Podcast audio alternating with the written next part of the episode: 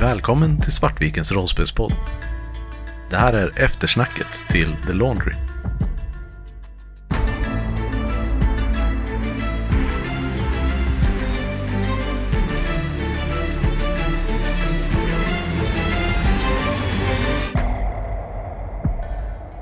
Men vi börjar väl med lite såhär uh, the basic om uh, spel, spelsystemet som vi, som vi använder nu. Det var, för spelsystemet som The Laundry är baserat på är ju Det är ju BRP. ja, BRP, eh, Basic Role Playing, som är ett, eh, vad är det kallas, Old School? Ja, det, är väl, det var väl eh, Chaosium som började med BRP tror jag. Med Call of Cthulhu en gång i tiden. Jo, men det, det hör ju till någon skola utav rollspelssystem. Det är möjligt, jag vet faktiskt inte. Ja, okej. Det är ju Ja. lite old school, men det är inte, det är inte OSR liksom.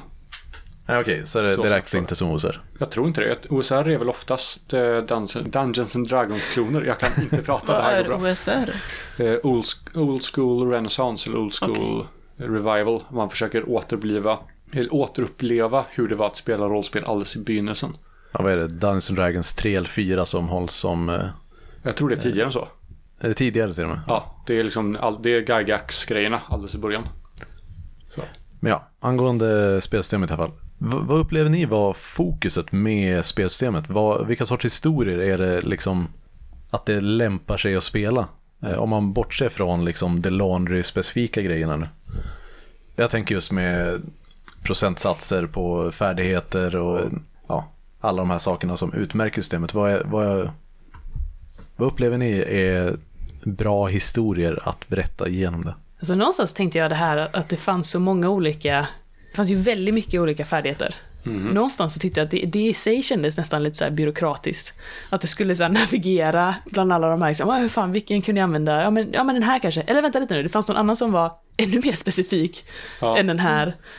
Eh, Så någonstans så tematiskt så funkar det nog ganska bra med något, eh, alltså The Laundry, för att bara färdigheterna i sig var så, så många och så, det var så svårt att veta vilken man kunde använda i olika situationer för att de var så snarlika och bara, vad, vad betyder den här ens liksom? Jag vet Det, inte. det är liksom en övning i spreadsheet bara att, att spela spelet eh, på sitt sätt. Jag tycker det passar väldigt bra med The Laundry just för att jag tänker färdigheterna som att rollpersonerna har ett papper på så här bra är du på det här. Du är 45% bra på att skjuta pistol. Man har så det liksom passar. Men borde inte Henry ha 100% i fast talk då? Det är frågan. Det känns som att man fått liksom gått en kurs och fått ett diplom. Eh, Eller Ja, men lite så. åtminstone gjort ett test att du klarade 45% av svaren på de här frågorna. Ja, ja och då så sätt så tycker jag att det, procentsystemet passar väldigt bra till The Laundry just därför. För att det, det känns logiskt att man, du har ett skriftligt bevis på hur bra du är på massa konstiga saker. Inklusive liksom hur bra du är på att snacka. Men i, för just vapen så var det väl till, är det väl till och med explicit så i reglerna att eh, det, hur bra det är på vapen är en bedömning som är gjord av The Laundry genom tester liksom. Jag Har tror du det. 43, va- 43% i vapen då, eller i pistol då, då är det för att du har en, den ratingen utav organisationen liksom. Ja, jag har för mig att det är något sånt. Eh, är det eh, så här, jag vet inte hur mycket ni, ni läste om systemet och sånt innan, men var, hade ni något, antingen saker som ni var, var optimistiska eller pessimistiska om när det kommer till systemet innan vi, vi spelade den? Då tänker jag framförallt, eh, eller så här, ja, även Kristoffer, men framförallt Moa och Anna och, och jag. Alltså jag, jag kan väl säga att det, första gången man såg eh, karaktärsbladet med alla de här färdigheterna så var det väl lite så här bara, nej. Alltså det är ju lite, det är ju lite intimidating att se alla dem. Det är ju väldigt mycket och det finns ju egentligen ingen anledning till att det finns så många färdigheter. Eh, Men sen så tyckte jag inte att det, det var inte så jobbigt att spela det så ändå. Alltså, men du kan ju ropa att du är ändå ganska välvillig som spelledare, Kristoffer. Ja, alltså jag ser ju hellre att, att ni lyckas med någonting eh, så att vi får en bra historia än att så här, du måste slå exakt det här som du är dålig på. Men jag kan verkligen tänka mig ett sånt här system med en spelare som verkligen är, ja men du är så här nitisk, kanske lite mer så här eh, SL versus player. Det måste ju vara helt outhärdligt. För Det är ju verkligen så här, det, det, det, är ju, det är ju en djungel någonstans. En sak som jag tänkte på var att det här med att vi ökade vår status, eller vad heter det, vi kryssade i efter varje speltillfälle, även om det egentligen skulle vara efter varje uppdrag, men att vi hela tiden förbättrades, tyckte Ja. jag gjorde väldigt mycket för känslan av karaktärerna. Och det var sjukt smidigt sätt, alltså att levela upp, tyckte jag. Alltså att eh, man fick slå mot, man slå, vad var det, man ska slå över sin procentenhet och då fick du slå Mm. en eh, T. Ja, precis. T6. Jag, har ju- jag har ju tagit den rakt av till några av mina egna eh, rollspel sen som bara är så här, det här är en bra idé, jag gillar den, jag snor den. Ja, det är jättesmidigt, verkligen. Och det gjorde ju verkligen att man fick känslan av att karaktärerna blev mycket mm, bättre med tiden. Också liksom just det här, om du, ja, det var ju många av de här knowledge-slagen till exempel, att man, man kollar upp någonting och bara fan nej, jag kan inte tillräckligt mycket. Då, då, då känns det ju rimligt också att, att karaktären faktiskt kanske pluggar på det sen då, att, att man, ja, det finns, det- är logiskt att man blir bättre i det.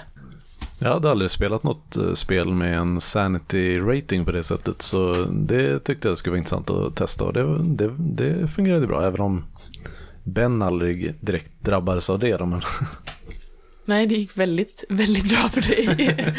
I jämförelse med vissa andra. Ja. Henry. Alltså det var ju lite, alltså jag tyckte någonstans att det var stressande i sig att det var statiskt. Alltså att jag kommer aldrig få tillbaka det här. Du kan ju gå på, på återhämtningsläger och sådär. De har ju det i Det sa inte du. Nej, men det är ju... Alltså jag levde i skräcken och så här bara, nej jag kommer ju, det här, jag blir ju knäpp nu. På Ja. riktigt, jag kommer inte kunna spela den här karaktären. Alltså det är efter uppdraget så, så kan man skickas iväg typ till... Jaha, det missade jag helt, det tror inte jag du sa. Jag kanske inte gjorde. Men för någonstans, det, var, det tyckte jag var, det var en stressfaktor i sig. Jag känner så här att jävlar, nu börjar jag närma mig noll. Ja. Nu, jag gick ju ändå, jag tappade ju mycket. Jag tappade ju säkert, jag gick ju från 55 till, jag vet inte vad jag slutade på, men det var ju säkert någonstans, ja men typ på 30, mellan 20 20 och 30. Ja, det var, det var lågt var det. ja, det var inget vänligt äventyr mot Henry alltså. Nej, det är väldigt dåligt. Men det var ju en extra stressfaktor liksom, att känna att, nej men eh, jag kommer ju inte, det här är permanent, tänkte jag hela tiden. Ja, men det är bra. Då får du lite extra panik och stress i spel. Ja, ja, men definitivt. Så var det ju. för nästa fråga då. Vad, tror ni att det här, eh, systemet är roligast för spelare eller spelledare egentligen? Så jag som spelledare har ju haft en del problem. Alltså, eh, det kanske inte är så mycket systemet som settingen. Det är att det är svårt att hitta, hitta utmaningar som känns utmanande på riktigt för rollpersonerna. Så här, här kommer Cthulhu, om jag skjuter dem med en banish round, så fixat. Så här. Eh, monster känns inte som att de utgör något, något rejält hot för man har magiska kulor som, som tar bort dem direkt. Alltså, det är svårt att hitta skräcken och den här känslan av åh shit i, i settingen. Jag skulle nog säga att det är kul, roligast för spelarna. Alltså, jag skulle nog inte vilja spelleda det här systemet. Det känns, eh, det känns jobbigt liksom. Och jag kommer nog inte vilja spelleda det igen. Så Nej. jag känner så här. Så jag, jag har svårt att hitta historier att berätta med det här systemet, eller den här settingen. Jag gillar settingen som, som skönlitteratur. Jag gillar idén på settingen som rollspel. Men jag upplevde det som att det här är nog det svåraste rollspel jag någonsin spelat. Ehm, och det är så här, jag vet inte. Det är svårt att hitta historier jag vill och kan känna mig trygg i att berätta. Men det var ju väldigt kul att spela. Så jag tror verkligen så här att det... Eh, man ska nog befinna sig på vår sida om det hela. Ja, det är ju så här, jag tyckte ju det var mekaniskt jobbigt att spela. Eh, I och med att det var så mycket. Eh, det var ju vid flera tillfällen som vi, vi stötte på det här att Ja, jo den här karaktären borde ju kunna det här men eh, nej, den eh, skillen glömde någon att köpa eller nej, det har, eh, vi har bara 30% så att eh, ett slag på en T100 innebär fortfarande att vi nästan alltid kommer misslyckas med det. Och det, det jag vet inte, jag, jag tror säkert att man kan vänja sig vid att spela den sortens spel. Men det blev väldigt crunchigt på ett sätt som inte, jag, jag som ändå gillar crunchiga system så här, tyckte det blev lite för crunchigt liksom. Men tyckte jag att det varit lite väl, antingen så lyckas du eller så lyckas du inte. Det fanns inte så mycket av den här skalan att man kan lyckas lite bättre. Man kunde ju få superbra slag. Mm. Du kunde få perfekt slag, men inte den här mittemellanskalan som man kan få. Om man får fyra stycken lyckade tärningar eller så i andra system. Jag vet inte, körde vi någon, någonsin med liksom det här att ja, men du kommer lyckas men, men hur du slår, det eh, påverkar bara hur fort det går eller hur, hur liksom seamless. Vi hade inga sådana Nej, jag tror inte det uppkom några situationer där det var riktigt logiskt. Ja. Eller där det var, var nödvändigt liksom. Eh, var det, är det någonting från eh, vi har, vi har ju alla läst, har, har, Moa, har du Nej, läst alltså jag, jag är inte färdig med den. Nej. Jag har läst, men det... Du har börjat läsa? Jag är kanske två tredjedelar in. Vi pratar alltså om eh, The Atrocity Archives då. Ja, precis. Den första boken i, i serien The Laundry, The Laundry Files eh, av Charles Stross som rollspelet är baserat på. Men eh, för det, det jag tänkte fråga härnäst det var vad upplever ni att det är någonting, något element som är viktigt i böckerna som liksom saknas mekaniskt eller som det saknas stöd för i rollspelet för att riktigt få samma känsla? Sexism. Jag saknar den inte. Nej, Den, den- saknas för att man ska få samma känsla. frågan är vill man ha den känslan? Så här, Nej. Nej. Så vi, vi skriver ner det att Kristoffer saknar sexism Som eh, datornörd och sånt där så, så känner jag att jag saknar lite grann stöd för just det, den magi som presenteras i böckerna. Men jag, jag vet å andra sidan inte hur man skulle göra det på ett sätt som faktiskt är tillgängligt för folk i allmänhet eller ens intressant på det stora hela. För det, det funkar ju i böckerna mycket för att där kan Stross själv portionera ut liksom den här nördiga kunskapen och man måste inte kunna allting om eh, eh, Hilbert-kurvor eller så här för att förstå vad böckerna försöker säga liksom oftast. Fast det var det jag störde mig mest på på böckerna. Jag förstod inte när de började prata om Hilbert-kurvor eller massa andra technobabbel, heller. jumbo dumbo. Eh, Så det var skönt att slippa det i rollspelet. Men har man ett gäng som kan den, det, vad heter, det sättet att snacka, då tror jag att det, det kan lyftas fram och bli ändå bättre i rollspelet. För det jag var orolig för under hela tiden var så här. Var ska man lägga nivån på det så att det både blir, man fångar känslan av det liksom technobabbel utan att göra det technobabbligt. Alltså man vill ju inte att det bara, ja vi sitter här och snackar, eh, så här, spottar ur oss eh, komplicerade termer bara för att. Samtidigt som det är en väldigt viktig del av settingen så man vill inte få bort det helt. Eh, och där, alltså vi fastnar ju, vi stannar ju på en Necronomicon liksom. Eh, med någon så här knapptryckning för att känna av magi. Och mycket mer än så blev det ju inte med den delen egentligen. Och det kanske räckte. Nej. Ja, det är så här, ärligt talat så har jag svårt att riktigt föreställa mig hur, ja, hur man skulle göra det på ett bra sätt liksom. Däremot så hade jag jättegärna fått in mer av ja, matematiken. Just att det inte är en magisk cirkel med konstiga tecken, utan det är en magisk cirkel med en konstig uträkning. Eh, Att man på något sätt mer lyfter fram det här med att det är matematik gör magi. Ja, men jag tror att de här magiska cirklarna och sånt är liksom, det är pentagram och liknande. Okej. Eh, bara att det är, man gör uträkningar i kombination med dem på något sätt för att ändra donarkurvaturen liksom. Ja, fast det är ju, grejen är att du måste ju, du måste ju bygga en krets som du leder som du leder energi igenom. Precis som att eh, för att bygga en dator så måste du, måste du bygga en krets och leda elektronik eller el genom. Så magin i The Laundry som jag uppfattar den så de här cirklarna och sånt som du ritar upp det är ju, det är ju bara ett sätt att ett sätt att göra sådana här kretsar där du kan leda in energi och sen så måste du ju det är därför man har mänskliga offer till exempel. Det är ju för att generera energi för du eliminerar en observatör och att eliminera observatören frigör energi på något sätt i den här som du kan leda in i kretsar och göra de här uträkningarna liksom i ja, för att påverka universum. Ja, och det är ju där som eh, Alan Turing kom på att man kan göra detsamma med, med datorer liksom. Ja, precis. Du, du är inte begränsad till bara, bara allting som du kan räkna ut. Du kan dessutom räkna ut saker som du inte kan räkna ut. Typ, eh, om jag förstod Alan, eh, the Turing Church-teoremet tror jag de kallar det. Ja, något sånt va. Eh, Men jag tänk, jag, en annan grej som jag tänkte på just när det här med stöd också. Jag, jag tänker att i, i böckerna så är det ju väldigt mycket, det är ju lite en av deras tagline. Alltså, och vi ska rädda världen. Vem hade kunnat tro att det var så mycket möten involverade? Ja. Eh, Det hade jag tyckt varit kul om man säger mekaniskt hade integrerat. För jag menar, vi hade ju en det. Vi skulle ju fylla ut... Alltså, eh, mekaniken i det byråkratiska som jag uppfattade var ju väldigt mycket att vi får fylla ut eh, Fylla i rätt form av formulär och blanketter för att få ut eh, utrustning, för att få ut osensurerade grejer och så. Eh, men det hade också varit ganska nice att ha, ja men vi har måndagsmöten. Ja. Eh, Så här, det, känns som att vi såg ganska lite av Faraday, förutom när vi sökte upp Faraday. Det hade varit kul att faktiskt ha så här att ja, nu har vi möten, nu samlas vi här, alla ska liksom rapportera in, man ska rapportera av. Eh, Det här mer, eh, alltså typ kontorslivet ändå på något sätt. Ja, i regelboken så har de, de säger det att 99% av en låneagents jobb eller tid läggs på liksom byråkrati och möten. Eh, det här rollspelet handlar om den sista 1%.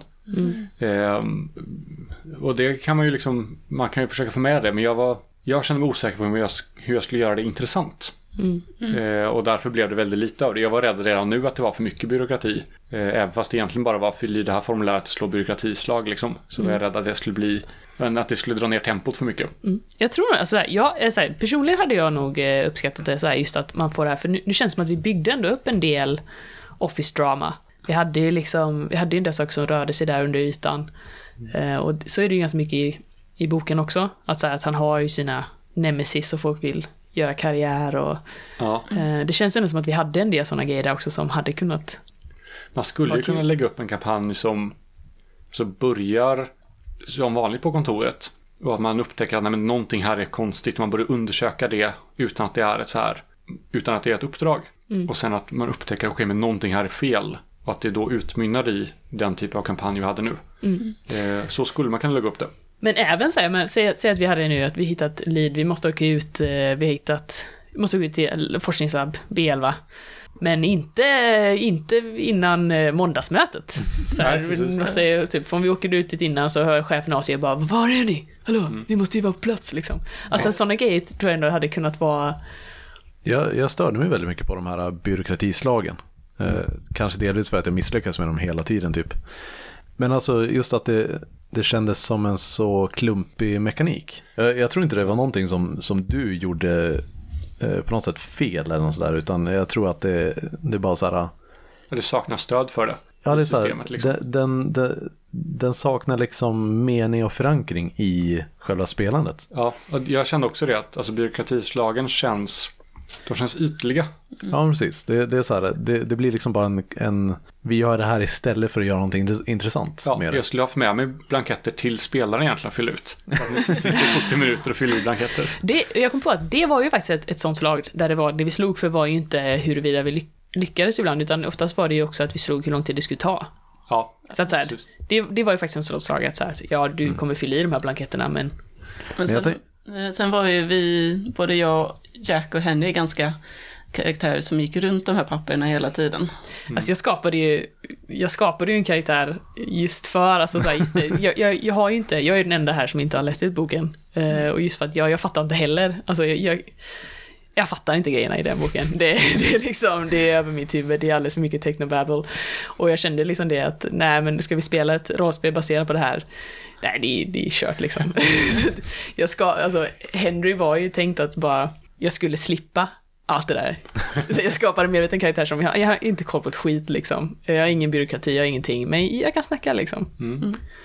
En sak som jag kommer att tänka på nu medan vi satt och snackade är att tänk hur mycket bättre det hade funkat om man hade haft en typ antingen per spelare eller för hela spelgruppen en byråkratipool med poäng liksom. Så att varje byråkratisk grej man gör så, så genererar man poäng till den här poolen för att kunna använda från den poolen för att typ sänka kostnaden för eh, att kalla in baggers eller få ut vapen eller någonting sådär. Eh, För då, då skulle det vara upp till oss spelare att, att bestämma oss för att såhär, eller eh, att för oss att ta initiativet till att så här, vi, vill, vi vill ha ett möte nu för att generera mer byråkratipoäng. Ja, precis. För nu var ju statusen var ju ganska så frikopplad. Alltså här, eh, budgeten vi hade för vårt uppdrag var ju ändå ganska frikopplad från allt annat. Det var så här, Ja. okej, vi, kan, eh, vi kan använda det, det. Det där var ju mycket bättre Ja, egentligen. just i det här fallet så, i det här äventyret spelar det inte på en budget stor, stor roll liksom. Nej. Eh, Men det, det känns som det var ganska medvetet val från dig också. Ja, eh, och sen alltså som du säger, jag tror att BRP är kanske rent av dåligt anpassat system till det här, den här settingen. Eh, någon typ, alltså mer indie, lite mer nytänkande. För att säga, okej, men hur kan vi göra byråkrati roligt? Det tror jag hade tjänat jättemycket, för nu är det så här, vi tar ett BRP-system och sen lägger vi det i The Laundry. Alltså det blir väldigt så här, det finns inget nytänkande i det. Och just för byråkrati så tror jag att det kan bli väldigt viktigt att det, initiativen för det kommer från spelarna, inte Ja. inte är ett krav uppifrån från, eh, från spelledaren eller från systemet. Liksom. Ja, Och jag tror också så här, det hade ju kunnat skapa ännu ett, ett, ett större djup till den typen av konflikt vi ändå hade mellan Ben och Henry nu till exempel. Att så här att nej men jag vill, jag vill ta det via systemet för att systemet, då, då kan vi... Då finns det någonstans ett, ett, ett mekaniskt stöd för det också. Att så här att, eh, och inte bara flavormässigt. Ja, precis. Och då, då skulle det vara bra om man hade en mekanik li- liksom där just konflikt, den, konflikt, den sortens konflikt blir väldigt grundläggande i att du antingen kan lösa problem genom att generera byråkratiska poäng till poolen. Eller så kan du försöka så här, fast-taka dig förbi det. Eh, det. Det tror jag hade varit eh, ett väldigt intressant system faktiskt. mm, verkligen. Kanske, eh, jag vet inte om jag är sugen på att spela med Laundry, men jag menar, Ja. det finns andra, andra grejer med byråkrati som man skulle kunna göra. Ja, precis. Jag börjar känna mig rätt nöjd med The Laundry efter det här. Eh, för nu i alla fall. Sen kommer jag säkert om två år läsa om boken igen och känna fan, det vore kul att spela det här spelet. och så gör jag ett nytt försök och så inser jag att, nej just det. Så jag måste faktiskt säga att andra boken är mycket bättre. Ja, jag tycker också det. Så du menar att det är okej, Det är värt jag att ta ska kämpa första, på då? Det är värt att ta sig igenom första för att få läsa andra boken. Tydligen ska de ju bli bättre med varje bok i princip. Which makes sense I guess. Ja, och mindre sexistiska för varje bok också tydligen. Det kan ju vara, fast också det här, det, för det hade jag ändå hört innan, så här, ni hade ändå varnat mig att det skulle vara lite så, så här sexistiskt. Så jag tänkte så här bara, nej men det här kommer bli, det kommer bli tufft, men jag kan nog power through. Uh, och jag trodde att det skulle vara grejen som knäckte mig liksom med boken, att nej det här, det är usch liksom. Uh, men det var inte det, det var, det var ju technobabblet liksom. Jag bara, fan jag skiter i era kurvor. Nu är vi klara med systemet och The Laundry. Är det, är det någonting som ni har tillägga om det? Annars så börjar vi, gå in, annars börjar vi snacka om karaktärerna istället. Och själva äventyret som vi spelar. Det var en, en grej som jag tänkte på, eh, det var väl eh, också alltså, de här eh, alltså grundegenskaperna och färdigheterna är ju extremt frikopplade från varandra. Det är ju liksom, det är ju jättekonstigt. Och eh, alltså jag, jag har ju svårt att se syftet med grundegenskaperna i Alltså, mångt och mycket med det här spelet. Jag tänkte ju hela tiden att, här, att grundegenskaperna skulle påverka färdigheterna. Men du börjar ju alltid med en grundprocent Mm. i alla färdigheter. Varför, varför kan inte den grundprocenten vara beroende av din eh, grundegenskap? Ja. Alltså om du har liksom, ja, vad blir det, 80% i karisma så känns det väl rimligt att du börjar högre i de, de färdigheter som är kopplade till karisman liksom. Ja. Jag håller med. Som, alltså många, eh, framförallt svenska spel kanske gör väl så. E.ON till exempel har ju det att man räknar ut varje grundvärde utifrån ens grundegenskaper. Ja, för annars finns det ju ingen anledning att, oh, eller så här, ha dem riktigt, eller? Nej, alltså jag ser dem lite som det finns ingen bra färdighet för det här. Slå en, en bred grundegenskap istället för en specifik färdighet. Det är så jag har använt dem. Jag tror det hade nog fungerat bättre om det inte fanns lika många, lika många färdigheter. Ja, Att det fanns mer anledning till att så här, nej men, eh, ja men slå endurance eller luck eller någon av de här deriverade eh, egenskaperna liksom. Na- nackdelen hade ju blivit om till exempel som Moa som gick ner i styrka. Ja, det har gått ner de andra. Då också. hade man ju fått gå ner väldigt mycket i de andra. vilket Eller, kanske jag inte vore helt ologiskt. Nej, Nej. precis. Jag, jag, utgick, jag utgick ju ändå från att men jag, alla de flesta slagen jag gjorde sen, de var ju ändå att jag... Jag tänkte att jag, jag kan ju inte, jag kan ju inte använda de färdigheterna till fullt ändå. Jag vet inte vad vi sa om fine manipulation där, men det var väl typ att det skulle ta mig extra lång tid och sådana grejer. Så att Ja, något sånt tror jag. det, det är ju ändå rimligt någonstans. Jag tänker också att, att eh, om man ändå har en grundprocent som man börjar med, då känns det ju alltid mycket rimligare att man börjar eh, det känns ju väldigt konstigt så här, säg att du har skithögt i karisma och sen så är det jättedåligt på persuade. Någonstans så här, visst okej man kan väl hitta någon slags, ja men det är på grund av det och det, men alltså i grund och botten är det väl ganska ologiskt tycker jag. Ja. Eh, så, hur, hur tyckte ni att det kändes att eh, spela, era, eh, spela era karaktärer? Tyckte ni att det funkade bra i stort sett? Jag tyckte det funkade jättedåligt i början, men bättre sen.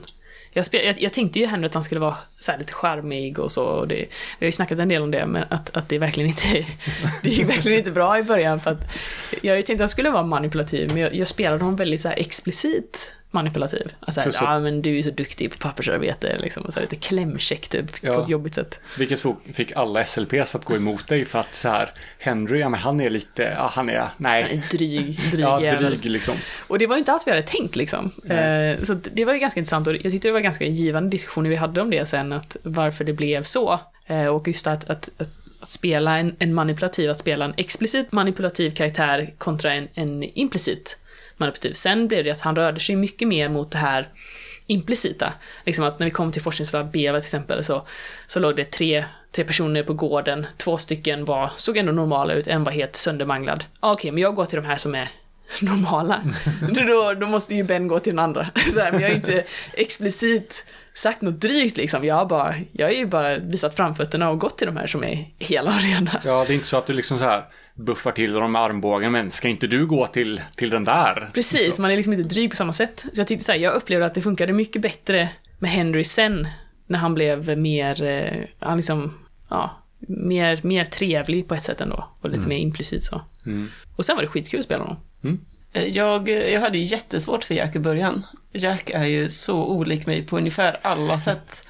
Och sen så hade jag ju läst då om den riktiga Jack Churchill som kan vara den coolaste människan i världen. Jag kan starkt rekommendera att läsa på om den här personen för han är hur cool som helst. Så jag hade ganska hög ribba som jag kände att jag inte nådde upp till. Eh, och jag tror också att det gjorde ganska mycket att jag inte hade spelat mer innan. Eh, så bara att komma in i gruppen tog ett tag. Men jag håller med om att senare så kändes det mer och mer som att jag hittade karaktären lite med, med vårt snack i källaren och Ja, där någonstans började det klicka för mig med Jack. Att det Ja. var liksom, okej men, ja, men jag börjar förstå vem Jack är. ja. Eh, på ett annat sätt. Men innan dess hade jag inte heller någon stor koll på vad det var. Han skulle vara en muskler. Det var ungefär det jag hade Ja. tänkt. Jag gillar ändå den här där du skulle plocka ut ditt assault rifle och så här försöka, ja men plocka ut en, jag plockar ut en pistol, jag plockar ut en till pistol. Eh, jag vill plocka ut ett assault rifle. Och Kristoffer bara, ja men ja, det är ju det är ett svårt slag. Jag vill försöka plocka ut ett assault rifle. Så betoningen på att he will, he will try. Eh, det tyckte jag ändå så här, för mig var det så här, man bara, ah, okej, ja, ja, Jack. Mm. Liksom att man började bilda sig en uppfattning. Så. Vad har vi för tankar om Ben då? Ja, alltså jag tycker ju, jag hade ju en ganska klar bild av vem jag tänkte att Ben skulle vara från början. Men sen så upplevde jag att jag tappade den ganska mycket i början, att jag hade svårt att ja, men så här, komma in i karaktären genom systemet liksom. Ja, okej. Ja. Men eh, sen kände jag väl att ja, men det, det började liksom så här tugga på. Men han, ja, Ben är ju inte så intressant karaktär liksom. Det, jag tyckte han, han funkade bra liksom. Och, men eh, han skulle ha haft en mer, en, jag skulle ha mer supportfokus på, på statsmässigt liksom. För att han skulle funka på det sätt som jag ville att han skulle göra karaktärsmässigt.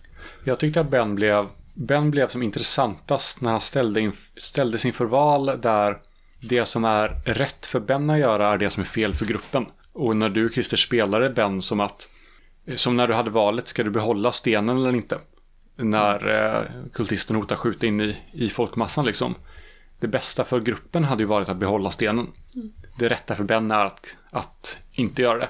Och där, med sådana beslut så tyckte jag att Ben var i sitt esse liksom. Ja, precis. Så det, det var ju liksom, det byggde ju liksom på att jag, hade, jag hookade upp hela Bens karaktär egentligen på, eh, och det var ju det jag kände att jag missade i början liksom. Eh, men jag, jag försökte hooka upp det på att han känner ett, han har liksom ett behov av att re, försöka rädda världen. Bara så här väldigt inkompetent på att faktiskt göra det i någon st större skala liksom. Eh, Och The Laundry är liksom en, hans sätt att göra det på. Nej men överlag så är, är jag ganska nöjd i alla fall. Ja. Ja, det känns också som att det kom fram en del, eh, ja, men, eh, vi hade den här scenen i köket till exempel. När eh, vi satt och pratade om liksom att, eh, ja men hur fan, eh, ja Henry satt och förtvivlade liksom, hur fan ska vi reda ut det här? Det här kommer inte gå, och usch, det här blir jättedåligt. Och Ben bara, jo men, ja men det är klart vi kommer klara ut det här. Och Henry bara, nej men, alltså, hur då, eller hur kan du vara så himla säker? Nej men, det är ju, det är ju den enda valmöjligheten, det är ju det enda alternativet.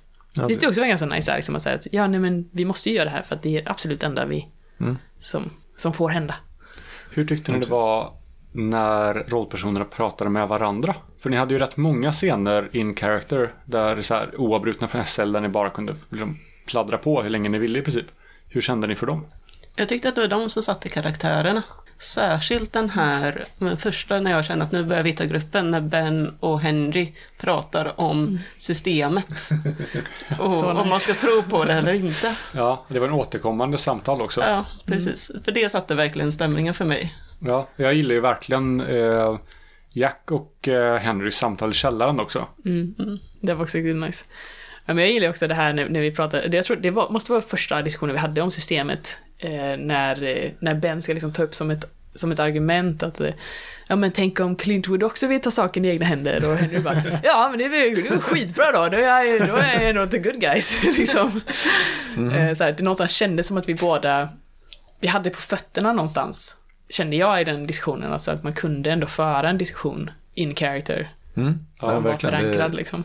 Eh, Och ja, just den diskussionen tyckte jag var väldigt viktig för mig att och, så här, få en förståelse för vem, eh, vem Henry var. Liksom. Mm. Så nej, men jag, jag tyckte väldigt mycket om de, eh, de diskussionerna. Det gjorde ju också sen att jag som spelare vart lite tveksam till om The Laundry faktiskt om det faktiskt var så, så bra. Jag älskar ju när ni börjar bli helt paranoida. När jag hade inte planerat någonting för det. Och ni börjar så här, ah, fan, Delon du kanske har, har mullvadar och de kanske inte står på vår sida. Jag börjar direkt tänka på att det här kan jag använda.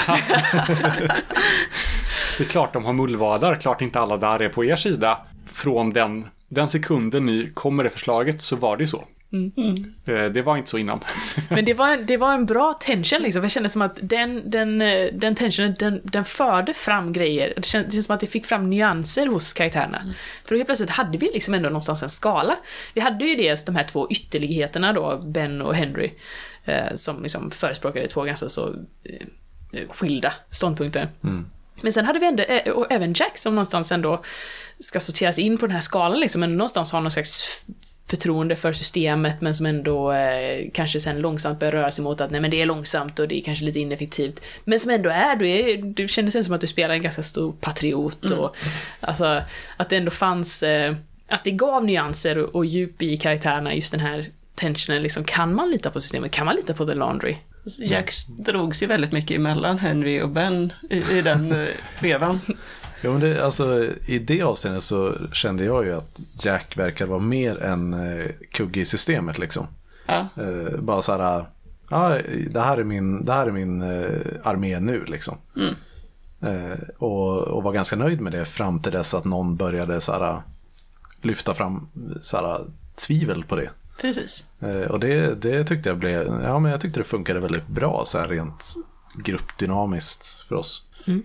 Sen tänker jag också just det här med att ha konversationer in character också. Nu, nu är vi ju en ganska så... Eh, eh, alltså, eh, jag och Christer och Kristoffer har ju spelat ihop ett, ett tag, men det var ju första gången som, eh, som Anna var med och ska liksom komma med i gruppen och det kändes ändå som att... Eh, nej, det kändes verkligen som att vi, vi gick från så här lite trevande till att eh, man, man börjat hitta varandra, alltså vår kemi som grupp nu. Vilket jag tycker Det- känns väldigt nice. Vi har ju spelat ett år nu. Ja, nio. Ja, vi, alltså vi Eller- har ju gjort det. Ja, sen, eh, sen vi bör, bestämde att vi skulle spela första gången i alla fall. Precis. Jag har spelat två månader. Ja, Nej, det måste vara mer än så. Nej, okej, det Vi måste spelade vara mer än så. fiasko, det var i somras va? Det var i juni. Ja, det, var, det var första... Så fyra månader. Ja. Fy- fy- Tre, fyra månader någonting. Shit, ja det känns en längre. Ja, ja, det, Ja, men det är känns det jag menar, så här, det känns som att, så här, att vi, man har verkligen ändå... Nu har vi, vi, vi har liksom börjat bygga kemi och relationer, alltså som spelare också. Det tror jag också att de här, de här dialogerna in character hjälper ju till med det, liksom, att, att bygga upp liksom, hur vill vi förhålla oss absolut. till varandra. Sen det här med att vi inte litade på systemet medförde ju också att vi började gå utanför systemet. Som de stora samtalen. Det tyckte jag var väldigt kul. Det, det kändes, då hoppade vi lite ur storyn på något sätt. Och, eller ur själva, ska man kalla det? Äventyret. eller? Själva, ja, precis, ur äventyret och gjorde karaktärerna privata. Ja, Eller personliga. vilket jag gillar som fan. Ja. Mm, jag gillar också det jättemycket. Så här, man förankrar dem lite mer i... Det känns också som att där, visst, eh, karaktärerna blir mer privata, men också att du bygger ju även världen. Ja. Alltså att här, så här ser världen ut. Det är här vi går och käkar lunch, det är här vi liksom... Men sen var det lite så här, när man, när man lyssnar på det efterhand så är det ju, i, i första gången vi pratar om till exempel mat, sånt hemma, bara nej men vi är nog sådana som går ut och sen bara nej men Henry, så här, nästa avsnitt bara nej men Henry han är nog sån som, som lagar mat. alltså, helt glömt bort. Ja, vi har inte haft många sådana, tror jag. Där vi har sagt en sak först och sen ändrat oss för att vi har glömt av. Det största är nog på i naturhistoriska. Det jag först beskrev det som att det är en stor, liksom, en modell av en rymdraket i mitten av rummet. till nästa spelmöte så hade jag glömt av det och beskrev det som att det var en modell av solsystemet i mitten av rummet. Nästan samma sak. Ja, nästan. Eh, vilket blev helt så här, som sen utnyttjades också i, i berättelsen av Ben för att liksom, eh, och när jag började klippa det så var jag så här, vänta nu. Men ja, det, det fungerar nog bra. Det är inga lyssnare som kommer att märka det. Ska vi, nu- återgå, ska vi gå återgå till det här ämnet mat? Kristoffer störde sig väldigt mycket på att vi pratade om mat jämt. Jag störde mig inte på det, jag bara kommenterar på det. Jag tycker, jag tycker det har varit väldigt fint om vi hade haft mer fokus på mat i eh, så här off-äventyrs... Alltså det, det vi gjorde utanför äventyren, äventyret explicit liksom. Ja. Men det, det var ibland som man lyssnade på fem bok. Så här. Men det känns ju lite också som så att, att, att maten någonstans också blev, ibland blev den till och med tematisk. Sån här, ja, när vi var i köket efter att det hade gått så himla dåligt och vi var alla bakis. Och, Och Ben hade lagat havregrynsgröt. ja, precis. Och, och, liksom, och Henry satt där och beklagade sig över livet och så bara det var så här äcklig, kläggig sörja. Det var Ja. någonstans ändå, ja, det blev liksom tematiskt. Men maten blev väl på något sätt en metaf- metafor för livet utanför The Laundry. Ja. Också att det blev så här, ja men det, kaffe, mat, köpa med sig hamburgare. Att det var väldigt mycket som var så här, det här är rollpersonerna när de inte jobbar. Ja. Eh, Så det blev på något sätt liksom en, ett tema som hade med, med allt som inte hade med äventyr att göra. Och också introducera, jag tänkte så här med min, eh, med Henrys pappa. Också att man introducerar att åh, det här är en jättefancy restaurang, han har redan beställt åt dig. Eh, Att, att man kunde använda det som det också. Sen tycker jag min eh, fina felsägning är, måste ju vara lite honorable mention. När jag sa att vi skulle gå och köpa hash brownies. Ja, just det. Det var Yes. kul. Mm. Det är det vi gör utanför, Alltså, utanför arbetet. för att vara lite så här självgod så är jag ju eh, väldigt nöjd med rent så här karaktärsmässigt när eh, Ben köper med sig två hamburgare för att han vet att Henry kommer att bli hungrig liksom. Ja, Eh, Jag, jag gillar faktiskt den. det var nice. Och när vi glömmer bort att köpa kaffe till dig. ja, precis. Det är ju verkligen så här, det, Ben är ju liksom någonstans den där ansvarstagande, snälla liksom i gruppen. Lite, lite limmet i gruppen. Så. Mm. Har vi fler frågor? Ja, Vi inte kan det, prata om mat hela kvällen. är det någonting som ni känner att ni tar mer från att ha spelat de här karaktärerna? Alltså jag, jag har ju verkligen tagit med mig det här med det, det explicita och implicita. Eh, För mig har det varit väldigt lärorikt eh, hur, hur man ska spela liksom sociala karaktärer. Hur ska jag liksom, eh, hur ska jag använda mig av det liksom i dialoger? Jag har ju suttit eh, och liksom läst på om grifter techniques nu. Eh, och liknande liksom, för att ja, komma in i det bättre. Så det har jag tyckt varit eh, definitivt alltså att Henry, jag, jag är lite fäst vid Henry nu också. Jag är lite ledsen så här att jag måste säga hej då. För att det känns som att, eh, det var väldigt kul att spela en social karaktär. Jag känner att, jag känner att jag har lärt mig ganska mycket. Men jag tror att om, om man ska så här eh, bubbla ner det, nej, Koka så- ner ko- koka ner det. Eh, till eh, liksom exakt vad man plockat med sig. En av de större grejerna för mig är också just det här att, att, eh, att spela på självförtroende. Som typ när man kom in i det här eh, övervakningskamerarummet på museet till exempel, liksom att, att, att man spelar på att jag hör hemma här och att man spelar liksom på det här med, men jag, ska, men jag hämtar kaffe och så ska jag liksom, ja men håll dörren för mig. Alltså, att man, ja, men lite så här catch me if you can, att man, att man, att man någonstans eh, eh, spelar på att karaktären, det karaktären behöver ha är självförtroende och auktoritet. Hur kan jag få de två grejerna för att komma in på ställen? Det känns som en typisk sån här grej som lätt blir förvans... är Så här, det fuckas upp av mekaniken liksom. Att eh, det, det blir lätt att man vill slå en, ett färdighetsslag för en sån här grej. Typ som när, eh, när Henry kommer, eh, springer till mot dörren till eh, säkerhetsrummet och så, så här, håll upp dörren till mig, för mig liksom. Eh, det är en sån här, det är ju väldigt smooth sätt för social engineering attack liksom att ta sig in på ett ställe för det är så här, ja de kanske har antagligen ingen anledning att, att misstänka det men om man avbryter det genom att slå ett slag så, så tappar man ju hela den biten liksom.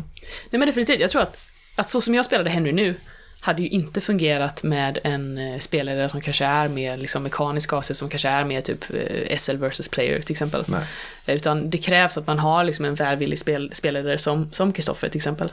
Sen Att- tror jag att alltså, vi slog ju mer slag mot slutet än i början. Eh, tror jag. Och det, jag hamnar mer och mer i det här, man ska slå för det. Eh, vilket jag så här efterhand tycker är lite tråkigt. Men det blev att jag blev mer van med systemet och systemet uppmuntrar en till att slå känns som. Eh, så jag hade nog hellre så här efterhand hållit det till färre slag. Men jag tror inte vi gick över gränsen med det heller. Nej, alltså, jag, jag känner också att just för sån här grejer till exempel, det är så svårt vad man ska slå. Vi hade ju lite diskussioner när, jag skulle ta mig in i naturhistoriska, och även ni då, alltså vad man skulle slå på. Ska man slå på performance? Ska man slå på disguise? Stealth? Eh, vad, vad är rimligt att slå på i en sån här situation? Jag hade ju kanske tyckt att så här, att det är väl kanske mer, eh, mer typ åt fast talk-hållet egentligen. Att säga att, åh, man håller upp dörren för mig. Så här, jag hör hemma här. Jag, kolla på mig. Jag har en uniform. Jag ska vara här liksom. Ehm, Jag men, brukar ju köra rätt hårt på, kan du motivera varför du vill slå en viss färdighet så får du slå den. och det är ju jättebra, men så är, ju- så, så är ju definitivt inte alla spelare. Nej, gud nej. Det är ju verkligen så att, att det är det jag menar, så att, att, att spela en social karaktär på så sätt som jag spelade Henry till exempel, eller försökte spela Henry, det, det kräver ju att man spelar med en viss typ av spelare. Annars går det ju inte liksom. Och jag tror att, att spela en sån social karaktär ehm, med en väldigt mekaniskt orienterad spelare, det hade nog inte gått i det här systemet, känner jag nästan. Alltså då, då skulle du verkligen behövt att, att precisions eh, värden på färdigheterna liksom för att vara bra på precis de här grejerna och sen Jo, men vilken Slå grej är för det, liksom? Det var ju det som när vi kollade på det, det var ingen grej som var specifikt för typ sådana tillfällen. Nej, nej, men då, då skulle du, då, då, då hade ju antagligen den spelledaren haft väldigt stenkoll på, eh, så här, i det här fallet så är det en disguise, i det här fallet så är det en performance och så vidare. Kanske en spelledare som har orkat läsa igenom alla texter till alla färdigheter. Och memorerat dem. Och memorerat dem.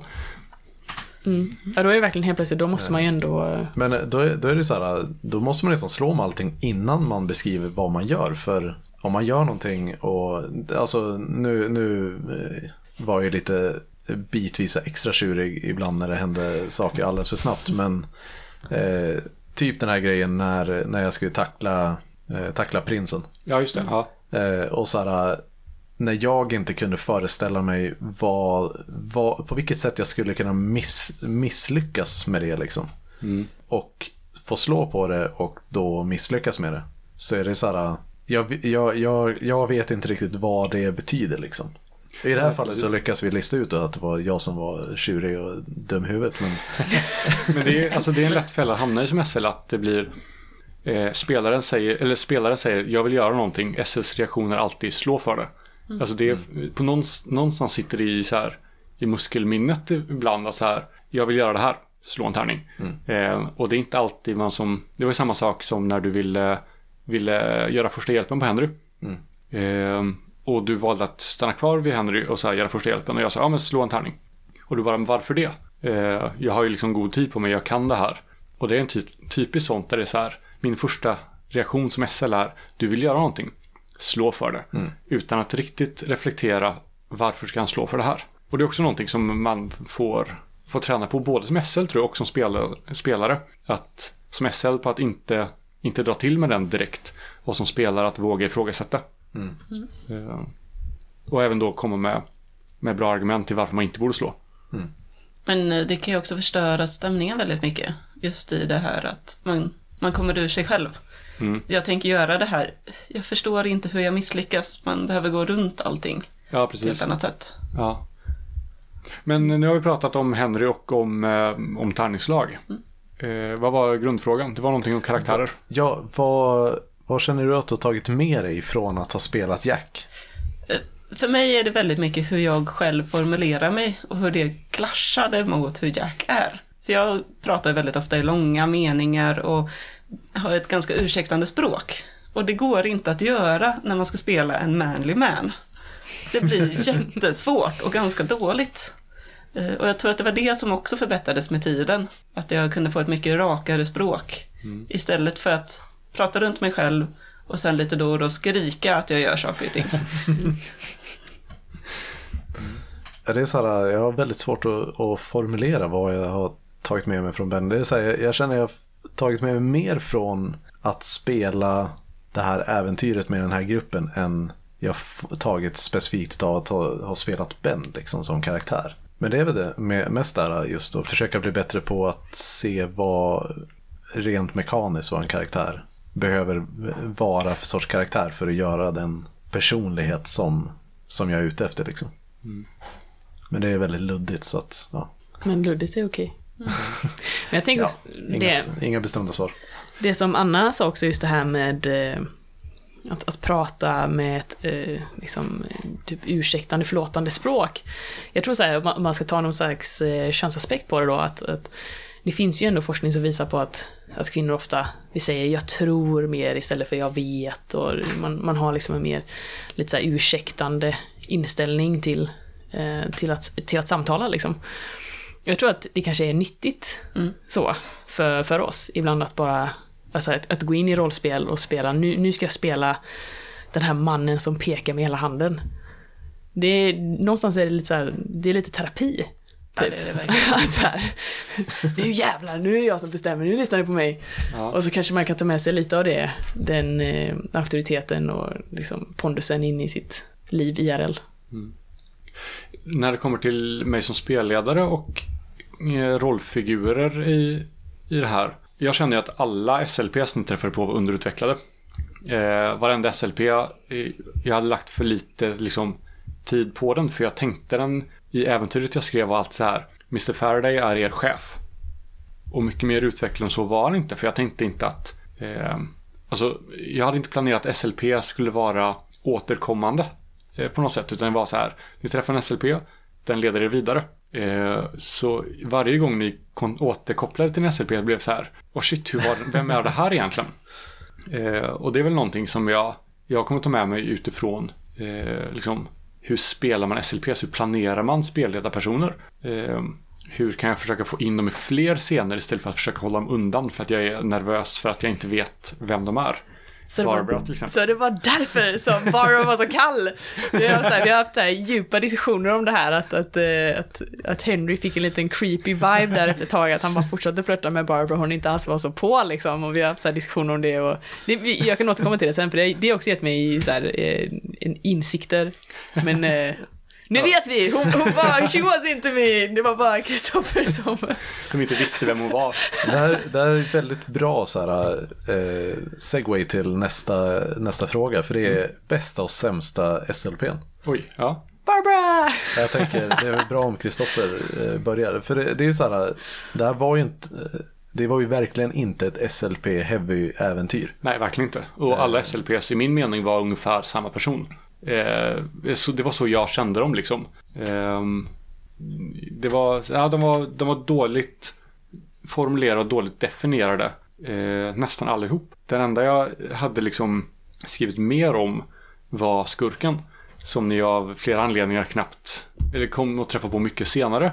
Och där hela hans så här, nu ska han berätta om sin motivation, blev lite mer Bondskurk-sätt. Att, eh, vilket blev att hans motivation för att göra allt det här kändes väldigt, väldigt, eh, eh, vad heter det, dålig. Så, nej, men det kändes inte som... Ja, och som att det inte fanns... Eh, det var en, en motivation som var tagen ur luften. Att det inte fanns något liksom, djup i varför gör han det här egentligen. Eh, när jag från början hade skrivit rätt mycket och tänkt mycket på det, men sen när väl han fick möjlighet att få fram det var så här. Det finns inget sätt att få fram det här på ett bra sätt i hans situation. Eh, och då kände jag i efterhand att så här, ah, fan, det där gick ju helt åt helvete. Jag kände bara att ah, han blev, han blev ytlig bondskurk liksom istället för den här som ändå har, har en viss historia och en viss Eh, vad jag hoppas ändå var tanken att eh, välmotiverat hat mot samhället. Mm. Så. Alltså jag gillar ändå Sokolov så. Men jag gillade ju Barbara mest. Men också, eh, men även typ eh, Bob, Ja, just det. som Ja. hatade, hatade Henry. Bob var typ en av karaktärerna jag kom att tänka på som stack ut sådär. Eh, Sokolov var, var bra liksom som i förhållande till SLP liksom. Men Bob var den enda andra som jag så här kände. Bob, var det en av IT-killarna? Ja. Det var han som verkligen hatade Henry. Det var min eh, Ja. kontors eh, typ. ja, som det hände någonting där på, på Företags. julfesten. fiaskoäventyr i, i pipelinen nu. Ja, där har Vad vi. hände? Det är perfekt. Och Bob verkar lite grinig över att eh, Henry som en, en, en så här cool person inte hängde mer med eh, över... eh, Ja, vad var det han sa? Du gjorde allting för att inte behöva vara i vårt lag. Du, du, du kommer bara till dem när du vill någonting. Han vet att du inte är trevlig. Liksom. Du kommer inte dit för att hänga. Du kommer dit för att du vill någonting. Och du är trevlig för att... Det var också någonting med den här andra. Howard var ju också eh, weird. Han började ju Ja, så här prata jättedetaljerat om weird grejer för mig. Ja, han hade väl varit på någon dejt som han började prata om alldeles för detaljerat. Nej men det var väl eh, när eh, Henry pratade om eh, någon dej- Ja precis, Henry pratade om någon dejt som han har varit på förra helgen. Och så Ja. började Howard ställa jätteintima frågor om, om den här dejten. Det jag också just hela den scenen var ganska kul för då sitter liksom så här Bob skitsur i ett hörn och ska leta fram det här som jag ska ha. Minesweeper. Ja, nej men det gjorde han sen när vi gick. Jaha, okej. Men eh, det här var liksom att Bob gick och skulle fixa det vi skulle ha och sen så blev liksom Henry kvar med, med eh, Howard som eh, och det blev jätte awkward och det var Ja. jättekul. Men ändå alltså Barbara. Så hon, hon har en speciell plats i mitt hjärta alltså. Ja, Helt, helt och hållet en fiktion liksom, hos dig. Du har ju tänkt fram allting om henne i princip. Ja, det är kanske därför jag tycker om henne så mycket. Nej, men, men också men jag tycker det här med, eh, alltså om man ska snacka insikter också då. Eh, för vi hade lite diskussioner, det känns som att så här, vi, det började ju mer som en kul grej, jag ska flirta lite med Barbara för att det, det är roligt. Och sen så blev det som att jag bara fortsatte med det för att det var, det var kul. Mm. Eh, men så hade vi diskussioner liksom i gruppen då att eh, Nej men det där är ett ganska creepy sätt att, att göra det på liksom. Henry, Henry bara ligger på liksom och hon verkar inte alls så, eh, så pepp liksom. Han bara fortsätter smsa och Men framförallt inte när Henrys första liksom, intryck hos Barbara var ju Henry har legat med Clints tjej. ja. Och då är det klart att så här, ska jag lita på den här personen som direkt börjar ragga på mig? Det var ju liksom någonstans botten. Ja, Så här, det grundläggande för mig när jag eh, tänkte på Barbara var så här. Här får hon massa sms från en kille som precis sagt, ja men jag, jag råkade vara med, med den här tjejen som, alltså kan, kan man lita på Henry? Mm, och det var roligt var så här att, att eh, men jag tänker också så här, man ska också kunna ha in en könsaspekt i det här då. Att så, här, så som han skrev till eh, Barbara, så hade ju, alltså det, är- det är så som jag personligen flörtar liksom och jag ser absolut ingenting fel i det. Och då blir det så här, helt plötsligt då, när, nu när jag spelar en man, eh, och då blev det weird och creepy. Och det, det var så här, det var ändå ganska så här, för mig, jag bara, ja, så här, försökte tänka på det, okej okay, okej, men om jag hade fått sådana här sms från en kille, Ja, nej, jag hade nog faktiskt inte att det var. Så det var, det var ganska så eh, intressant upplevelse, liksom, att, att det faktiskt var, det var annorlunda, beroende på att jag faktiskt spelade en man. Mm. Så jag, jag spelade en bra Barbara då, som Ja, nej, men jag tycker det är så. Att, eh, men jag, jag som spelare kunde ju inte alls förstå det först. Jag bara, men vadå, nej, det här är ju inget, det här är inget konstigheter liksom. Och sen så när man väl tänkte en runda extra på det, jag bara så här, jo, nej men, eh, det ligger ju någonting i det. Det är Kanske är så det känns att vara, jag vet inte riktigt, att, att flörta som kille ibland. inte alla män. Eh, Att man, eh, man förstår inte att det kan vara obehagligt för man tänker vända till. Ja. Det är absolut en aspekt som jag kan känna till. Jag känner igen i alla fall. Så. ja, jag, jag I pledge the fifth. Men det känns som att här, det blev ändå eh, en ganska så djupgående insikt i det här liksom, någonstans som kom från rollspelet. Och sånt tycker jag är jättekul. När man kan faktiskt så här, att, eh, alltså, leka lite med, med kön och att man kan plocka fram saker som, eh, som är grejer. Jag har funderat väldigt mycket på det där just med att att spela kvinnliga karaktärer. Att jag är väldigt nervös för att göra det för rädslan av att det ska bli mer parodiskt än genuint liksom. Ja, men det är så jag känner också. Rädslan att så här misrepresent. Jag så här att bara bli någon så här, liksom så här halv eh, o, omedvetet misogyn eh, kar, karaktär utav en, en kvinnlig karaktär istället för att Prata i falsett och... Men då, men då skulle vi ju säga till. Jag tror så här att... Eh, Ja men det är så här, jag- jag är i den här svår- gruppen så känner jag, känner jag att så här, jag, jag skulle i alla fall vara, kunna utforska Alltså jag rekommenderar det. det. Alltså det, det, Det, det är häftigt. Eh, det- Jag, jag upplevde lite att, eller jag upplevde väldigt mycket att Jack var en karikatyr av en stor man i början. Han vart det lite av en comic relief. Mm. Eh, Men eh, efter ett tag så fick ju också han personlighet. Och, och det var först när jag fick en personlighet lite mer runt omkring som ja, karaktärtiden slutade och jag faktiskt lite mer insåg vad det är att vara en man. Men det är, det är ju också det där att eh, i våran kultur så finns det ju så mycket mer utrymme för män att vara bara så här fåniga men fortfarande vara en, en så här seriös karaktär liksom. Mm. En, eller en karaktär som tas på, på allvar liksom. Medan det är ett helt annat utrymme för det när det kommer till eh, kvinnliga karaktärer. Mm.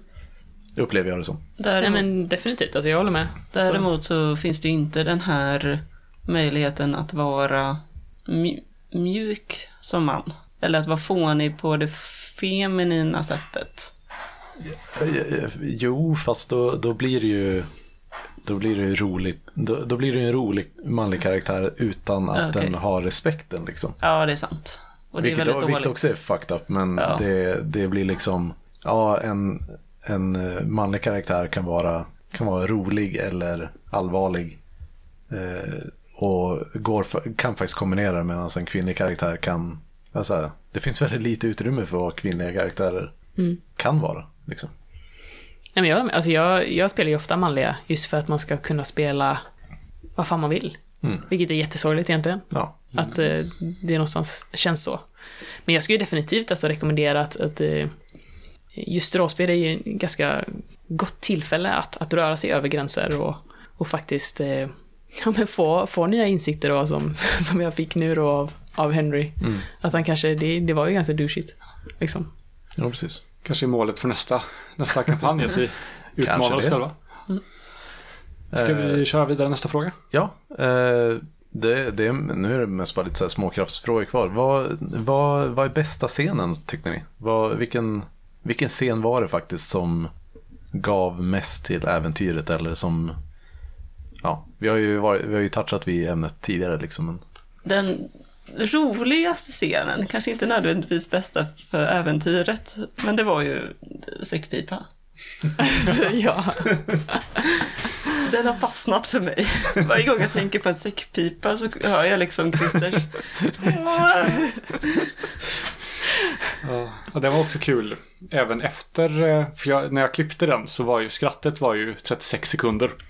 Så jag tror jag klippte bort 16 sekunders skratt. Det var väldigt spännande att sitta och klippa det. Och det var så här, okej, men här slutar den här personen skratta. Klipper bort några sekunders skratt där. Vem är det som börjar skratta i nästa klipp? Kan jag, de två passa ihop eller låter det som att samma person dubbelskrattar då? Så här. Hur ska jag göra det här? Så jag fick bort 16 sekunder tror jag. Nu tror jag det är lyssningsbart. Jag gick ju totalsänder då.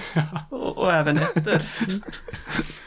Ja, det var nice. Jag, min, eh, jag, hade, jag hade flera faktiskt. Alltså jag känner så här, för mig, det här äventyret var ju någonstans Henrys descent into madness. Eh, han blev ju bara galnare och galnare liksom desto mer det går. Och en sån här vändningspunkt var ju då när han skulle springa in och, och rädda Ben då. Så här, skulle bara springa in och vara lite cool och jag hade liksom inte kunnat ta mig in i den här folkmassan så jag var ju tvungen att springa runt och, och då hade ju ni andra spelat på mera scener, då hade jag ju fått lite tid och så här typ peppa upp och bara ah, men ja, det här ska jag säga, jag ska komma in, jag hade så här riktigt filmig scen i, i skallen liksom att så här, men det här nu, nu jäklar, nu ska jag vara cool liksom. Jag hade till och med så här, bara, ah, men jag ska komma upp, ska jag vara så här andfådd och vara lite kaxig. Kommer upp, eh, drar min liksom one-liner, vilken är alldeles, alldeles, alldeles för lång. så jävla skurken in i skjuta mig. Och jag blir av med och kvittar dessutom. Kritt, jag blev av med alla och sen fick jag liksom, eh, tänkte Kristoffer att han skulle vara lite snäll så bara, men, men slå en, en T4 och se hur många fingrar du förlorar. Så slår jag fyra, blir av med alla fingrar, förutom tummen. Alltså det ju inte. Det var ju helt sjukt. Jag tänkte såhär, just den att jag ska liksom försöka vara så jävla cool och jag får inte ens iväg ett skott och sen får liksom Ben få såhär skippa och springa efter Yamamoto bara för att rädda mig. Eh, det var ju... det var helt tragiskt. Det är en bra scen. Jag gillade verkligen att vi lät det gå åt pipan. Och att det kunde fortsätta efter, efteråt. Det gick åt benpipan. Att, Aha. Jag älskade sjukhusvistelsen ja. Det blev, Ja. jätte, det blev faktiskt jättebra. Alltså man kunde, ja men nu går det en vecka, en och en halv när ni är på sjukhus. Ja, och det, för en gångs skull så fick skurkarna möjlighet att liksom göra sin plan. Vanligtvis i mina äventyr så hela äventyret utspelar sig på tre, tre dagar max. Mm. Och skurkarna går liksom och gör supermycket saker på ingen tid alls för att de måste komma framåt till sin plan. Ja. Nu hade de en vecka på sig där de så här, men de gör saker nu. I lugn och ro. De bygger en ny sån här prototyp och de, liksom, de förbereder. Eh, så det var, det var bra för äventyret också tror jag. Och rolig scen med, eh, med Chad Bauer där också. Ja, nej, vi helt, helt totalt, jag hade missuppfattat totalt. Jag trodde vi var liksom på en laundry sjukstuga och sen så bara nej. så kom vi in och, nej det var, det gick dåligt. Men jag måste säga också att jag älskar, ta dem, alltså gå ner Descent into Madness, jag älskar också scenen med eh, när Henry får psykbryt på prinsen. så här ska jag liksom mosa hans, jag kommer inte ihåg hur det slutade med. Jag skulle, jag skulle, först skulle jag försöka strypa honom, så hade jag glömt bort att jag bara hade en tumme på ena handen. Och sen skulle jag försöka slå honom och det gick också jättedåligt för jag hade ju inga Alltså, Var det inte han som sköt honom i ansiktet? jo men jag gjorde väl det sen, för det var ju så här lång väg till hur ska jag ha, ha ihjäl honom, för att jag Ja. kunde ju liksom inte... jag kunde inte göra något. Jag var ju sämst liksom, jag misslyckades med alla slag, så jag bara lång utdragen scen, jag typ ligger och äcklar mig på honom typ. Så här, sjukt oklart. Min favoritscen är nog när Henry tappar fattningen på slottet. Eh, för att det blev liksom en sån, en sån stark scen. Eh, och det kändes som att, På balkongen där. ja precis, som att liksom eh, det var en annan typ av rollspel än vad vi har sett tidigare. När liksom det fanns liksom inga, inga spärrar. Eh, och att du verkligen vågade liksom leva ut det här eh, på ett sätt som fram tills dess i alla fall inte hade hänt. Vad jag kan komma på. Det blev en jättebra scen. Inte en rolig scen. Men en väldigt bra, stark scen. Alltså överlag så är nog mina favoritscener, alltså jag, jag kan inte säga någon specifik scen som, som bäst, men jag, mina favoritscener är nog eh, bara de här privata samtalen liksom. Både dels i, i källaren med säckpipan och allt det där och eh, i eh, köket på morgonen efter och eh, ja, de här samtalen som vi hade innan på, på kontoret också liksom. De, nej men det, det kändes som, det, det var den största behållningen liksom från, från äventyret utöver själva eh, spektaklet som var själva äventyret liksom. Sen gillade jag striden med dinosaurierna. Framförallt när du började stoppa in den här ja, tioåriga pojken. Att man fick ett extra kval att förhålla sig till. Eh, Det var också en av de gångerna då Jack verkligen kom fram och hur dumdristig han egentligen är. Bara för att vara en hjälte. Och ändå så är det han som eh, lyckas i slutet av dagen. Ja. Det var också ganska häftigt när vi åkte in i ambulansen där och, och, och du mer eller mindre tänker att Åh, vi är hjältar, vi är skadade, men vi är hjältar. Och du bara utgår från att, att i och med att- för att Henry ligger där skitskadad så måste han ju också vara en hjälte. Han måste ju också gjort saker och blivit skadad in the line of duty. och, och sanningen var ju inte riktigt så. Nej. Liksom. Eh, Det var en fin kontrast liksom att, att Jack eh, är ändå sjukt kompetent och, och god. Mm. Liksom. Och det var också en väldigt bra återkommande del med Jack så här till, till Henry att jo, men du är ju en hjälte. Eh, jag vill eh, så här, sätta i säkerhet istället för att slåss om du riskerar att bli skadad. Det var väldigt så. I nästan alla samtal mellan Ben och Henry så var det, mellan Jack och Henry, så var det någonting om det här. Alltså att, att Jack bryr sig om Henry och eh, vad Jack tycker om, tycker om Henry. Som framkom väldigt bra. Mm. Jag tänker det är väl också det här att eh, Jack är en väldigt så här, handlingskraftig och kompetent person. Eh, men identifierar sig inte som det medan Henry identifierar sig som det men är inte riktigt det. alltså det är inte det att Henry inte kan saker men eh, så här, det är liksom inte, inte på det sättet som är direkt applicerbart i sådana situationer. Liksom. Nej precis, vi går väl lite tillbaka också på våra personlighetstyper. Eh, nu kommer jag inte ihåg exakt, för jag vet att Henry hade ju person, personlighetstyp eh, slacker. Alltså att man låter andra människor ta täten. Ja, precis. Men han hade ju fortfarande ett, ett hjältekomplex på något sätt. Liksom. Det var också spännande att vi alla tre hade ju hjältekomplex, men på olika sätt. Ja, precis. Det, det var liksom ja, olika perspektiv på, på lite samma sak i alla fall. Vad tyckte ni om äventyret då? Jag tycker det var nice. Ehm, det, var, alltså, det var svårt att se, alltså så här, lista ut det i förväg. Tyckte jag. Eller jag hade svårt att se, man kunde ju lista ut vissa saker. Ehm, men jag tyckte också det här med, med Kullinan, alltså någonstans, jag vet inte om det var, var medvetet gjort, men den här boken, den hette ju The Journey into the Heart of, Ma- eh, Of, Of obsession. Ja. Eh, och så blev det ju.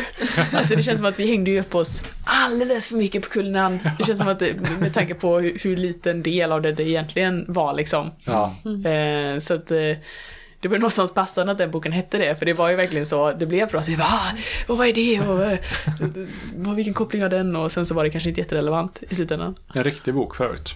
Finns Coolt, att läsa. Mm. Coolt. Ja, Alltså överlag med äventyr så känner jag väl att det var lite svårt att riktigt få en, en klar bild utav det och dessutom ja, men att, det, att det bitvis led lite grann utav att vi var beroende av att bli matade med eh, Mm. det här är nästa, nästa godbit liksom. Ja, verkligen. Eh, Det var, det var det enda som jag tänkte på framför allt med äventyret. Att Mm. vi kom egentligen aldrig framåt förutom när du, det kom ett telefonsamtal. Nej, precis. Det var inte att vi lyckades lista så många gånger. Det var väl när vi gick till kronjuvelerna, men annars så lyckades vi ju egentligen inte lista ut någonting. Ja, för jag använder ju de här telefonsamtalen och smsen som, okej men nu, nu verkar det som att de inte vet vart de ska. Eller som att de står och stampar. Och då sa jag okej men då ringer det. Jag tyckte att det var väldigt bra för att annars, vi stod ju verkligen och stampade många gånger. Mm. Och det, det, med den här typen av äventyr som SL känner jag ofta att jag vet ju alla, alla ledtrådar ni har. Jag vet vart de leder. Men så jag säger så här, okej men ni har, tre ställ, ni har tre sätt att komma framåt här. Men om inte ni ser det så har ni inget sätt att komma framåt. Men jag tänker så här, många av de här, för nu, eh, jag tror att att, det, att eh, man kände att eh, man blev liksom eh, föst lite, men det var nog bara för att alla samtalen kom från samma ställe också. Det var ju alltid från Laundry och ofta från Faraday. Ja, Eh, Men någonstans tror jag så här, för vi la ju ändå ut lite feelers liksom. Henry la ut feelers i undre världen om lite olika saker och så här. Eh, Jag tror nog att man hade kunnat låta sådana saker kommit den vägen också. ja Alltså här att, åh, men jag har uppmärksammat att det är underligt vid det här huset. Mm. Så. Så hade man kunnat åka dit och... Men på sätt och vis så tyckte jag också att det här gav ganska mycket stämning, att vi fick saker från The Laundry. Vi undersökte många saker, inte själva, utan vi hade en stor organisation bakom oss. Mm. Som ledde oss på vägen. Lite som det kanske är på något sätt. Och spädde på vår paranoia också. Ja, Alltså, här, det, jag tror att den, man hade ju inte kunnat spela på det spåret egentligen. Eh, så, eller, man hade ju kunnat göra det, men man hade ju kanske inte varit samma sak om vi inte hade fått så mycket information från Laundry. För det hade inte blivit liksom att, så här, att eh, man kunde ändå göra någonting med det i- inuti spelet, liksom att eh, bygga på det spåret. Sen har jag, alltså jag har ju en, jag gillar det här att ge ledtrådar som inte leder någonstans än. Så ni fick en rysk ordbok som är så här, den är meningslös i nuläget. Men ni får reda på att Sokolov är ryss. Och då kanske blir den så här, aha, det var därför det fanns en rysk ordbok. För personen som hade den här ordboken kanske behövde kommunicera med Sokolov eller alltså att det finns en sån koppling. Eh, problemet är ju att det framgår inte när man får ledtråden att den inte är användbar än. Och då som spelare är det lätt att snöa in på att okej, jag ska ta reda på den ryska kopplingen. Eh, Men det, det- känns inte som att vi snöade in på så många saker så. Det enda, det enda som vi snöade in på jättemycket var väl egentligen Kullinan. och lite om ryska meteor- Ja, just det. meteoritinedslag. okej. Mm. ja, ja, så. Mm. Och sen glömde ni ju lämna in den här, eh, det röda, eller den ögat. Eh, på väldigt lång tid. Jag hade ju tänkt att ni får den, ni lämnar in den, ni tar reda på vad det är. Ni får reda på om kulten, får Sokolovs namn tidigt och kan börja nysta i det. Ja, men grejen var ju att den kom ju från The Laundry. Det var ju The Laundry som sa till oss att det var ögat, för det var, vi hade skickat in den till tekniska avdelningen liksom. Det, det, det, Det kan- I ja. mitt huvud i alla fall var det, var det liksom det som var grejen. Vi lämnade in ett, en USB-sticka Ja, och så fick vi tillbaka, den här informationen finns på den. Så Ja, okej, därför ja. så, ja, för mig så var det aldrig liksom, jag tänkte aldrig tanken att så här, vi skulle lämna, så här, skicka tillbaka det till Laundry. nej, alltså min tanke var ju typ, eh, okej, ni misslyckades i ockultslaget. Vi går till biblioteket och kollar. Alltså det var liksom, Jo, jag, jag, Så. säger, jag förstår verkligen vad, vad, hur du tänkte, men ja, alltså för, jag, för mig i den situationen så var det verkligen, nej precis så. var, jag tänkte aldrig ens tanken. Nej.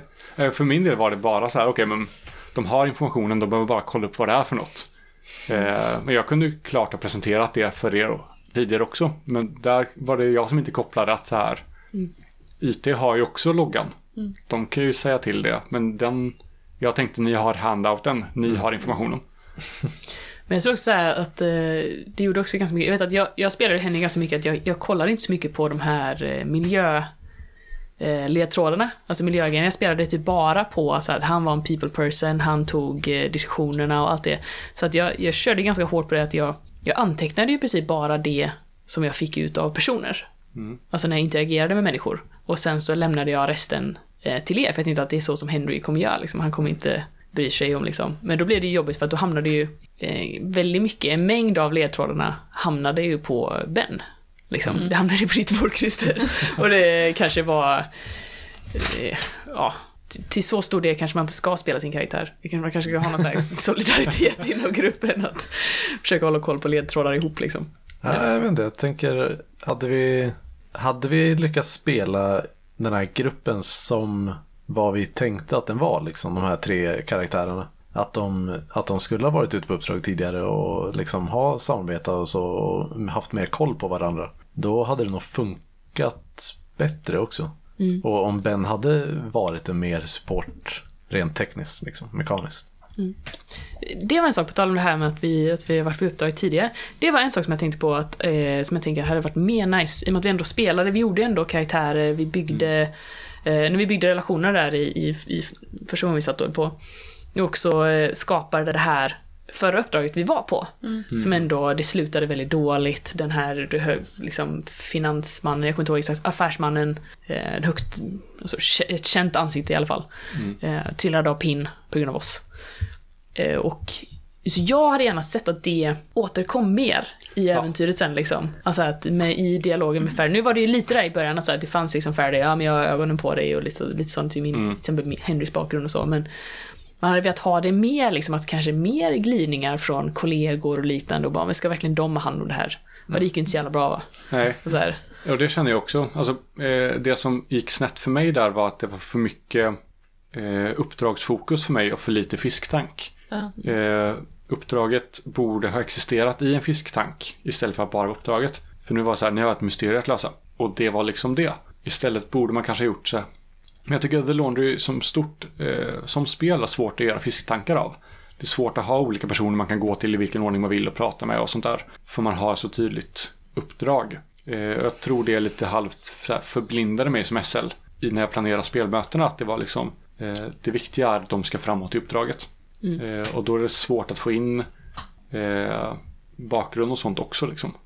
Men jag tänker det, att det är väldigt mycket så här i The Laundry som, eh, som rollspel så blir det väldigt eh, det är både en begränsning och en tillgång det här att, att eh, vi har The Laundry som organisation där. Att det blir väldigt begränsande helt enkelt att hela tiden behöva agera genom The Laundry. Ja, För det är ju så här, det, en Rogue Agent hade ju varit mer intressant på många sätt. Eh, Där man är mer så här, placerad i sin fisktank och får, är tvungen att ta sig ur den snarare än eh, så här, en gated fisktank eller vad man ska kalla det. Någonting som jag tycker hade gett en mer känsla av eh, fisktank eller, och av karaktärerna hade varit att få ett fiaskospel av julfesten eller av vårt första uppdrag. Mm. Så att man liksom får den känslan ihop och då får man också träffa på lite olika karaktärer som inte har med uppdraget att göra. Och det hade kunnat ge- ge dig som spelledare mycket mer. Ja precis. Och sen alltså det är ju först under kampanjen och nu efter som jag börjat fundera på det om fisktank liksom. Jag tänkte inte på det under tiden för då hade jag fullt upp att planera uppdraget. För jag tror ändå att det, alltså tänk så här, om man säger att det här är en arbetsplats liksom. Ja, Så man skulle nog kunna liksom, konstruera en ganska givande fish tank av det liksom. ja, Eh, Men jag tänker också så här, det, det är kul med fiasko, för jag menar, det, det är... Det förra uppdraget som vi konstruerade när vi skapade våra karaktärer, det var ju basically ett fiasko. alltså så här. Det gick ju väldigt dåligt. Vad var det du sa nu innan fiasko? Nej, att, att i och med att det är en arbetsplats så, så tror jag att man ändå kan Ja. bli en ganska givande fish tank av det. Precis, men jag tänker att begränsningen med The Laundry är ju där att det är en eh, alltså sluten organisation. Där du har rättighetsnivåer och allt sånt där. Och att det, det gör att nästan all interaktion med organisationen måste göras genom antingen till människor som har lägre tillgång till information. Eller genom, sin, genom ens chef. Liksom. Eh, och det, det gör att det blir väldigt, väldigt begränsat vad, vad man har för möjligheter där. liksom. Men det kanske är så här, hur man ser på då system då. Då är vi nästan inne i eh, Ben och, och Henry-grejen igen då. Men jag tänker ju då att i en, sån, i en sån organisation så har du ju människor som vill göra karriär. Så ja, the proper way to do this är att gå till din chef. Men det kommer ju finnas människor, omkring din chef som kanske vill ha din chefsjobb. Det kommer finnas folk som kommer från sidan som kanske har ett liknande jobb eh, som är line manager over there, men som eh, vill ha budgetpengarna för vår eh, del av eh, departementet till sin departement. Alltså det kommer ju alltid finnas Just i The Laundry, så som jag uppfattat det från böckerna också, så är det ju väldigt eh, agendadrivet. Alltså att, att folk inom, även fast det handlar om att nu ska vi rädda världen, så känns det inte som att jättemånga människor, är, många inom organisationen ens är så intresserade av det, för de är mer intresserade av att, nej men jag vill ha ditt departements budget. Och där, alltså jag tycker, det du säger nu är, eh, för mig skulle det vara superintressant eh, fisktankskampanj där de maktspelen med The Laundry är huvudfokus, men så måste ni rädda världen, säger de. Alltså det skulle jag tycka var, var riktigt intressant med ett helt annat regelsystem. Eh, men det får mig så okej, ja, fan man kanske skulle spela The Laundry sen igen och så bygga upp det på det. Det istället. är en sak som jag faktiskt saknade, det, men det är bara för att jag är lite nördig inom det. Det är att The Laundry skryter ju om att de är den enda ISO-certifierade spionfirman. Ja, jag, jag jobbar ganska mycket med ISO-certifiering. Så det hade varit ett kul spår att gå på i det där. Då får nog du spela det.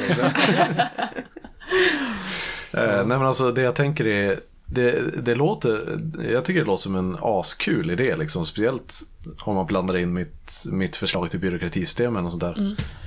Eh, men jag tror, jag kan inte se hur det skulle funka i The Laundry. Alltså att ha ett, ja men säg en spionfirma liksom. Som bara sysslar med att rädda världen. Och så ha hela det här intra, i, i, eh, intrigerna mellan, alltså i, mellan departement och sånt där.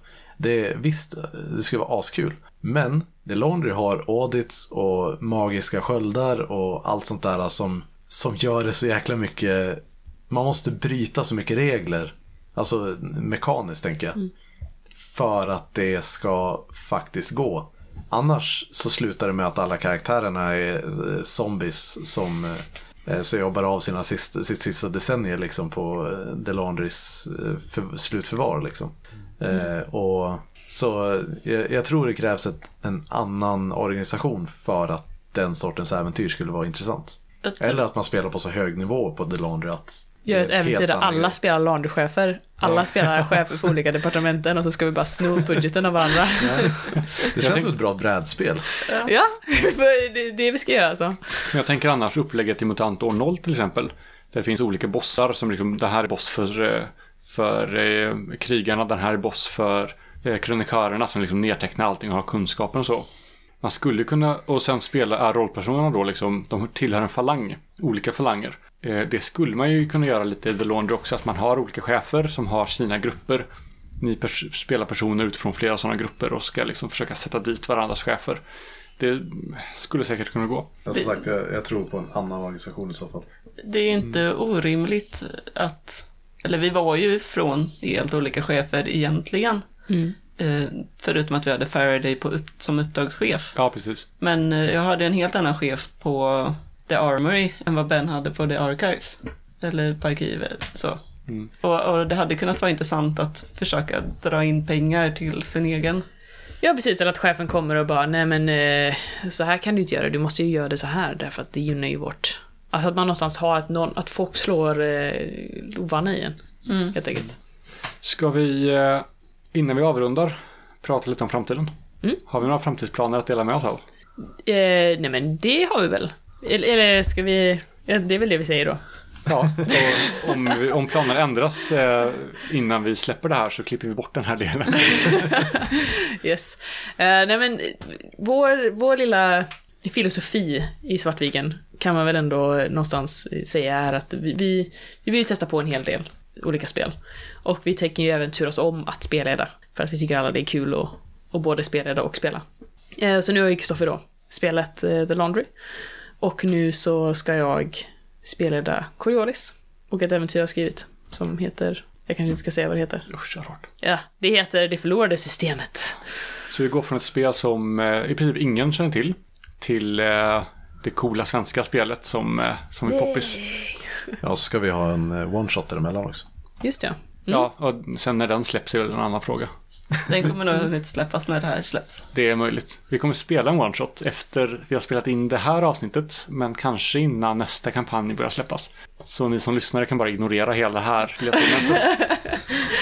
Eh, ja, nej men, eh, men det kan vi också säga att vi ska ju spela, vi har tänkt att vi ska spela, vi försöker, vi, vi har väl tänkt att vi ska försöka spela ett one-shot mellan äventyren vi spelar liksom. Så nu mellan, eh, mellan Laundry och Coriolis tänkte vi ju spela i ett system som som Kristoffer har pillat på, en, en värld, en setting som Kristoffer har, har gjort då som heter eh, Skrömt. Man kan väl typ säga att det är en blandning mellan Supernatural och, och svensk folktro. Eh, Supernatural om det hade varit i Sverige, kan man väl säga. ja, lite så, typ. Eh, ett mörkt, våldsamt Sverige. Eh, Så, ja. med övernaturligheter och, eh, och eh, sånt kul. Vi kommer ju även spela i det systemet på Gothcon. Var tanken, ja. Ja, Yes. vi är ett litet gäng som tänkte, tänkte arrangera lite skrumt spel på Gothcon. Så eh, dit får ni jättegärna komma. Men då blir det inte, då blir det ett annat äventyr. Yes, ni får inte spela det äventyret som ni lyssnar på här. Lite fuskigt. Och det blir ganska kul, det ser jag fram emot. För då ska vi ju, eh, lite nu så är det ju ändå så att det är ändå en som alltid är spelledare. Som, som har skrivit äventyret och som ska spela det för andra. Men det som är, blir intressant då nu vi ska, om vi arrangerar på Skrom på Gothcon då, det är ju att vi ska alla skriva ett äventyr ihop. Vilket också betyder att jag behöver skriva färdigt jäkla spelet. Ja, det, är- det är ett måste. Men det måste du göra inför one-shotet också. Eller wingare. Ja, ni kan testa lite olika delar där bara. Ja, men eh, det blir nog alldeles utmärkt. Och sedan utöver det så är det väl mest bara att vi jag hoppas på att få in lite gäst, eh, S, eh, gästspelledare och så här som eh, så vi kan släppa lite onsdags-releaser också som vi har gjort med eh, det försvunna soldaternas eh, ja, speltestet där som vi släppte. Det blir kul. Det är också det är ett perfekt eh, tillfälle att bara att, att locka hit alla sina, våra kompisar som kommer hit och Det är ju någonstans det som är det absolut bästa med det här, att, att bara få spela så himla mycket rollspel. Med... eh, Och ha en anledning till att spela rollspel. Ja! bara det. Ja, är vi nöjda så? Det tycker jag. Ja. Ja, jag har inte så mycket mer att tillägga. Nej. Gå in och, och gilla vår Facebook-sida, rösta på vår iTunes och andra ställen man kan ge betyg och recensioner. Instagram. Instagram, Twitter har vi väl också. Ja, Vi är det är ingen som använder Twitter. Jag använder Twitter. Vi, vä- så här, Rollspelsmåndag har en- ett Twitterkonto också tror jag, men utöver det så det är väldigt lite aktivitet på rollspels, eh, svenska rollspels Twitter alltså. Vi får Ja. se till att göra skillnad där alltså. Precis. Be the change you want to see in the world. Ja, nej men seriöst, om ni gillar det vi gör så eh, släng gärna in ett betyg på oss. Det uppskattas hellre ett ärligt än ett snällt. Men vi gillar också snälla betyg. Ja, kommentera gärna. Vi blir alltid lika glada när folk kommenterar. Och sen är det ju också lite så att vi, vi är ju alla små rollspelsnördar och fantaster, så att eh, vi tycker om att prata rollspel. Så att eh, skriv på vår Facebook-sida och, och prata med oss, eller på Instagram eller whatever. Eh, för vi tycker om att prata rollspel. Det är Ja. kul. Vi får väl lägga in en disclaimer när vi blir less på att folk kontaktar oss för mycket och sådär, jag vet inte. När vi blir för kända. Ja, precis. När, när, vi, har nått, när vi har nått liksom tusen lyssnare då... Nej, jag vet inte om jag någonsin... Eh, det spelar ingen roll om det är typ... Ja, kanske om man kommer upp och säger att det är 100 meddelanden om dagen, då kanske det blir lite jobbigt. Men alltså rollspel, det, det kan jag snacka länge. Ja, men vi skaffar någon PR-ansvarig som svarar i vårt namn. Så löser det sig. Men då kan vi inte säga någonting. Äsch. Nu avrundar vi. Tack och hej! Ni har lyssnat på Svartviken Rollspelspodds eftersnack till äventyret The Laundry. Musiken är gjord av Alexander Bergil.